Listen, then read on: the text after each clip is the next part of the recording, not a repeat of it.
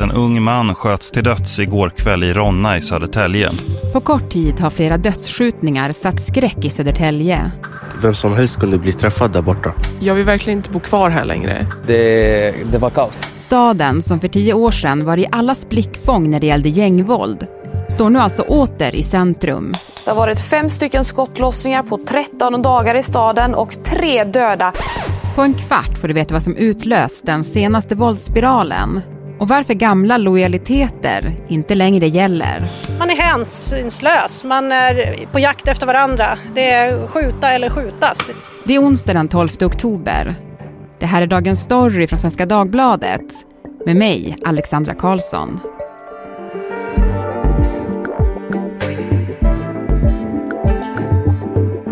Kim Malmgren, krimreporter på Expressen och programledare för podden Krimrummet. Hallå?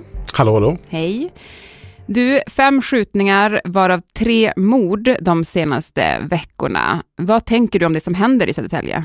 Det är en, under ett år när vi redan har rekordnivåer på skjutvapenvåldet så är det här en, en våldsspiral som åtminstone i Sverige i år och eh, så vitt jag liksom kan minnas tillbaka i tiden de senaste åren den värsta våldsspiralen vi har sett. Mm.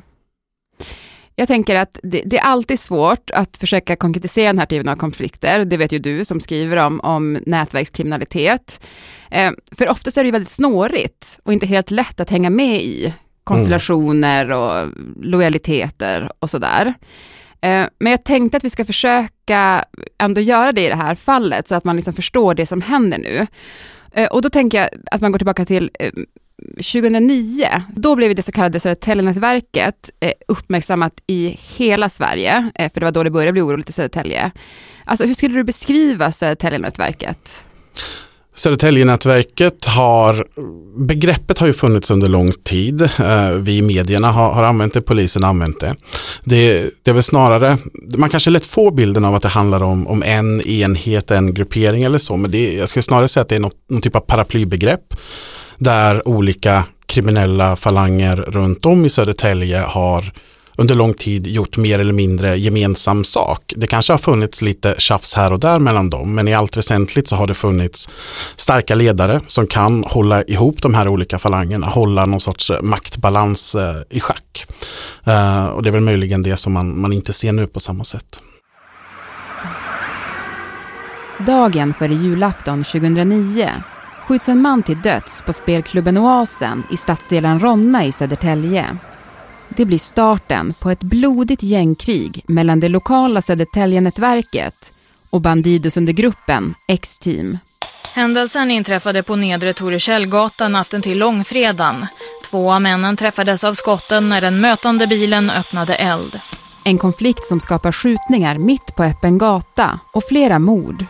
Idag något vi ser på många platser i Sverige. Men vid den här tiden var våldet i Södertälje unikt. Det är en som har ett automatvapen i handen. Det är alltså en fråga om en ren avrättning. Precis som nu stod stadsdelen Ronna i centrum. Efter totalt tre mord på Oasen inleddes en av de största brottsutredningarna i modern historia. Kostnaderna för utredningen och rättegången som hittills är uppe i 208 miljoner kronor. Efter en rättegång som pågick i flera år dömdes till slut 17 personer ur Södertäljenätverket 2014. Enligt åklagarna styrs nätverket hierarkiskt där en 32-årig man leder nätverket i Södertälje och det är han som har gett order om de tre morden. Den utpekade ledaren fick livstidsfängelse och sitter fortfarande inne. Men andra ledargestalter i nätverket har släppts. Efter domarna mot Södertäljenätverket blev det lugnare i Södertälje. Men nu har alltså oroligheterna blossat upp igen. Grupperingar som bokstavligen är i fullskaligt krig med varandra. Och de som skjuter är yngre än någonsin.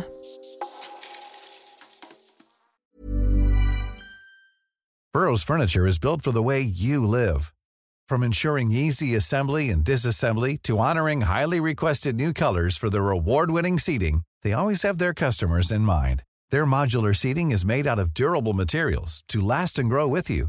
And with Burrow, you always get fast, free shipping. Get up to 60% off during Burrow's Memorial Day sale at burrow.com slash ACAST. That's burrow.com slash ACAST. burrow.com slash ACAST.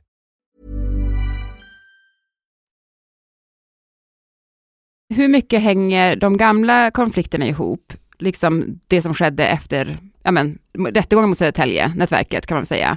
Hur mycket hänger de gamla konflikterna ihop med det som händer nu? Jag tror på strukturell nivå så kan man nog se stora likheter. Det, det, är samma typer av falanger och kriminella grupperingar som, som härjar nu som, som härjade då. Eh, däremot om man tittar på persongalleriet, visst så finns det beröringspunkter på personer som var med på den tiden som även finns med nu. Det finns släktskap mellan olika personer till exempel. Eh, men det är många som är släkt i Södertälje och jag tror inte nödvändigtvis man ska dra för stora kopplingar mellan det som hände 2009 till exempel och, det som händer idag, även om det är två liknande konflikter. Mm. Men vad är det som har hänt nu då? Varför har det blivit så våldsamt igen? Man, tar det från det att det då har funnits starka ledare i Södertäljenätverket. Eh, när det skiftet skedde egentligen, det var nog någon gång 2020. Det fanns eh, ett centralt ledarskikt eller vad man ska säga i Södertäljenätverket och sen så fanns det en yngre falang i Ronna. Och de hade under längre tid försökt sköta sig lite själva, byggt upp lite av sin egen narkotikaverksamhet, sin, sin egen liksom kriminella verksamhet. Uh, när jag pratar med poliser på den tiden som är väldigt insatta i hur nätverket fungerar och ser ut så beskrev man det som att de här yngre killarna hade vuxit ur kostymen.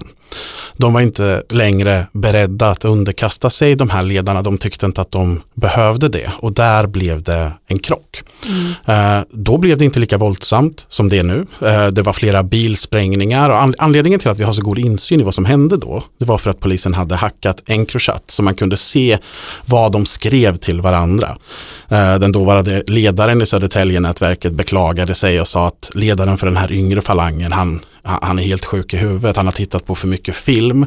Han är en sån man bara måste plocka bort. Mm. Det går inte att prata honom till rätta utan vi måste ta bort honom. Så långt kom han aldrig för polisen slog till mot då, dåvarande ledarskapet i Södertälje-nätverket för olika knarkbrott och han dömdes till fängelse. Sen försvann han och de här yngre killarna då från Ronna kunde på något sätt stiga upp och bli sina egna herrar i den kriminella världen. Mm. Och vad var det de gjorde då? Du säger att man, man inte längre lyssnade då på auktoritära gestalter som nu satt i fängelse. Vad var det som hände då? Liksom? Det, det man kan tänka sig då är att när den här yngre falangen har brutit sig fria eh, att de, de kan känna som ett exempel för de andra falangerna runt om i Södertälje att vi behöver inte lyssna på någon annan, vi kan göra det här själva. Så som det beskrivs när jag pratar med polisen är väl mer att när den här Ronna-falangen kommer upp till, till sin egen makt, då börjar de agera som det tidigare ledarskapet har gjort och de börjar ställa krav på att eh, ni ska hämta narkotika av oss och vi ska ha procent, det är vi som har störst våldskapital och så vidare. Det, det, allt det här är inte belagt i domar, för det, allt det här är ganska nytt, men det är så tongångarna går när man pratar med, med poliser som, som känner till nätverket väl. Mm. Så det man kan säga då att det här du kallar Ronna-falangen, Ronna är ju en stadsdel i Södertälje som alltid har knutits till den här konflikten. Ehm, de har velat ta över helt enkelt. Ja, det är de som beskrivs som den, den starkaste falangen i, i Södertälje just nu. De som haft störst inflytande på narkotikamarknaden. Eh, då handlar det om var hämtar man sin narkotika? För den som är över gatuförsäljaren får ju naturligtvis mer pengar än, än den som säljer. Och om man säljer, om hela Södertälje hämtar från samma person så tjänar den personen väldigt mycket pengar. Mm. Eh, är det här kopplat till narkotikahandeln? Kanske, kanske inte. Det kan lika gärna vara kopplat till mekanismer som är väldigt vanliga i den här gangstervärlden om, om någon sorts dominans underordnande indelning. Att alla vill vara på toppen, ingen vill vara på botten. Mm. Och ett otroligt våld får man ju säga. Absolut, men den lokala polischefen har ju sagt att det, det, finns, de ser ingen konkret risk för att tredje man ska drabbas. Men om vi tittar på de här skjutningarna så har vi dels då en, en man i 40-årsåldern vid det andra mordet som blir mördad. Eh, han har ingen känd koppling till nätverkskriminalitet och man, man utreder ut efter teorin att han kanske inte var den man försökte skjuta utan han, han blev snarare skjuten av misstag. Vid samma skjutning gick det in skott in på en bensinmack. Vid den senaste dödsskjutningen gick det in skott på ett gruppboende. Det är många som drabbas runt omkring, även om det inte är just de personerna man siktar på när man skjuter. Mm. Vad tror du kommer hända nu då? Det är, svårt och, det är svårt att spekulera om, men jag har också svårt att tro att den här konflikten skulle vara löst nu. Uh, man tittar på de skjutningarna som har varit i, i, absolut närtid här så kan man se att det finns, det finns kopplingar dem emellan. Man utreder dem gemensamt som att det är en skjutning, en hämndskjutning och en hämndskjutning. Mm. Förmodligen så har alla som vill utkräva hämnd inte gjort det. Sen så ska man om man ska ge en eloge till polisen i allt detta så, så är det att de har ju frihetsberövade för samtliga tre mord. Det är ganska ovanligt, särskilt i Stockholms gängvärld, att man har frihetsberövade så här nära inpå. Så får man väl se om det räcker till åtal, men möjligen att det då kan hjälpa att kyla ner lite. Mm, för att de sitter anhållna och häktade helt enkelt? Ja, precis, och det, det visar ju också att det är inte strafffritt att mörda i Stockholms gängvärld. Mm. För det, den signalen har inte nödvändigtvis varit jättetydlig tidigare. Vi har en väldigt låg uppklarningsprocent på den här typen av mord. Um, en sak som, som alltid kommer upp när man pratar om gängkriminalitet, ehm, det är ju förebyggande arbete och även då gemensamma insatser för att slå till mot gängen från alla håll så att säga.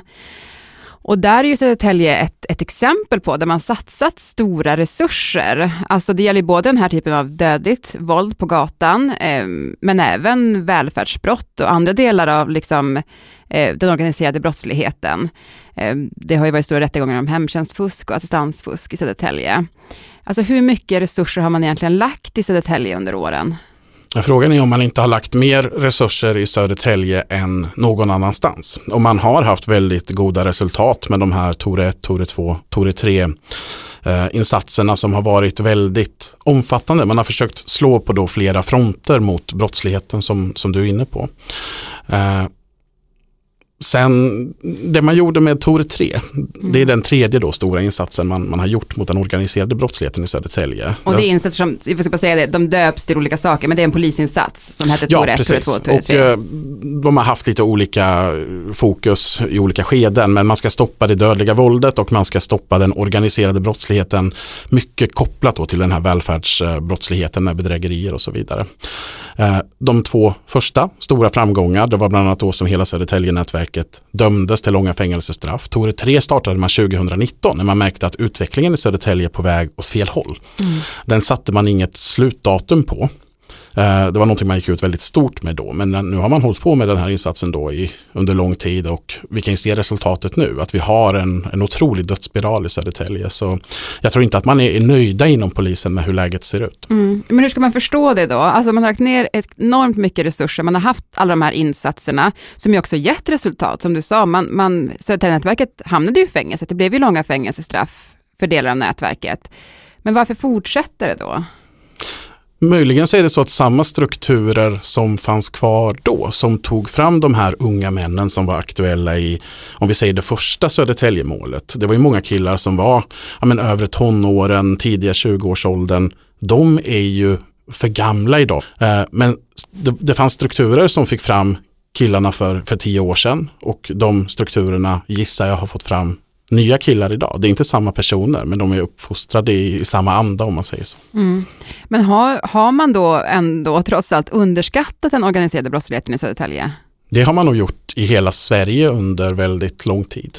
Eh, jag upplever att polisen blir bättre på att ta den här typen av hot på allvar. Men då har också Södertälje varit en plats där man under lång tid skulle jag säga har tagit det på allvar, även om man haft olika intensitet i de olika polisutredningarna. Eh, så möjligen är det oroväckande då att Södertälje där man har lagt ner så otroligt mycket resurser för att komma till bukt med detta så ser man fortfarande de här otroligt stora problemen. Mm. Ja, det är otroligt sorgligt på så många Väldigt. sätt. Ja. Det är många som drabbas. Mm. Jag tänkte på den avgående socialdemokratiska kommunordföranden Boel Godner. Hon menar ju att Södertälje är bättre rustat den här gången. Alltså man har tidigare kartlagt gängkonflikter i stan så att man liksom är mer på tårna. Kommer man kunna hantera konflikten bättre den här gången? Ja, vi har ju en otrolig våldsspiral nu så uppenbart har man inte stått så väl rustade för att den här inte ska växa fram. Däremot så Boel Godner, har, när man pratar med henne som, som journalist så får man, tycker jag alltid, väldigt krassa svar. Hon, hon skriver under på mycket av problembilderna. Hon säger att vi har otroliga problem. Mm. Eh, vilket om man pratar med många andra politiker så, så hittar man ofta en typ av, av politisk retorik med vi har utmaningar men nu står vi väl rustade. Mm. Eh, jag tycker att hon de gångerna som jag har pratat med henne har varit väldigt krass och sagt jo men det här är jättestora problem. Det här behöver vi hjälp med. Vi, gör, vi jobbar så mycket vi kan men problemen finns fortfarande kvar även om vi lyckas skruva på vissa skruvar för att göra saker bättre. Uh, jag tror att den som, som tar över nu det har en gigantisk utmaning framför sig. Det krävs mer än lite enkel kommunpolitik om man ska vara krass för att få bukt med de här problemen. Det krävs ett helhetsgrepp. Mm. Tack Kim för att du var med i Dagens Story.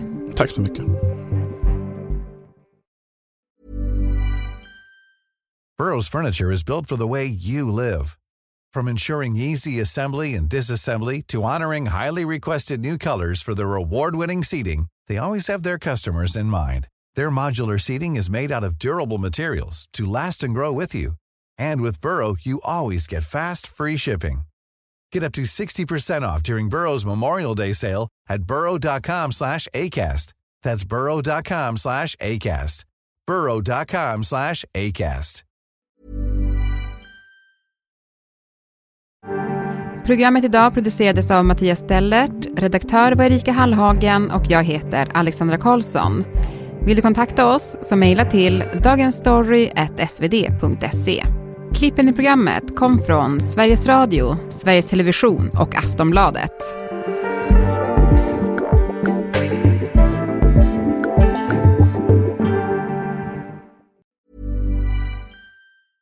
Want flexibility? Take yoga. Want flexibility with your health insurance? Check out United Healthcare Insurance Plans. Underwritten by Golden Rule Insurance Company, they offer flexible, budget friendly medical, dental, and vision coverage that may be right for you. More at uh1.com.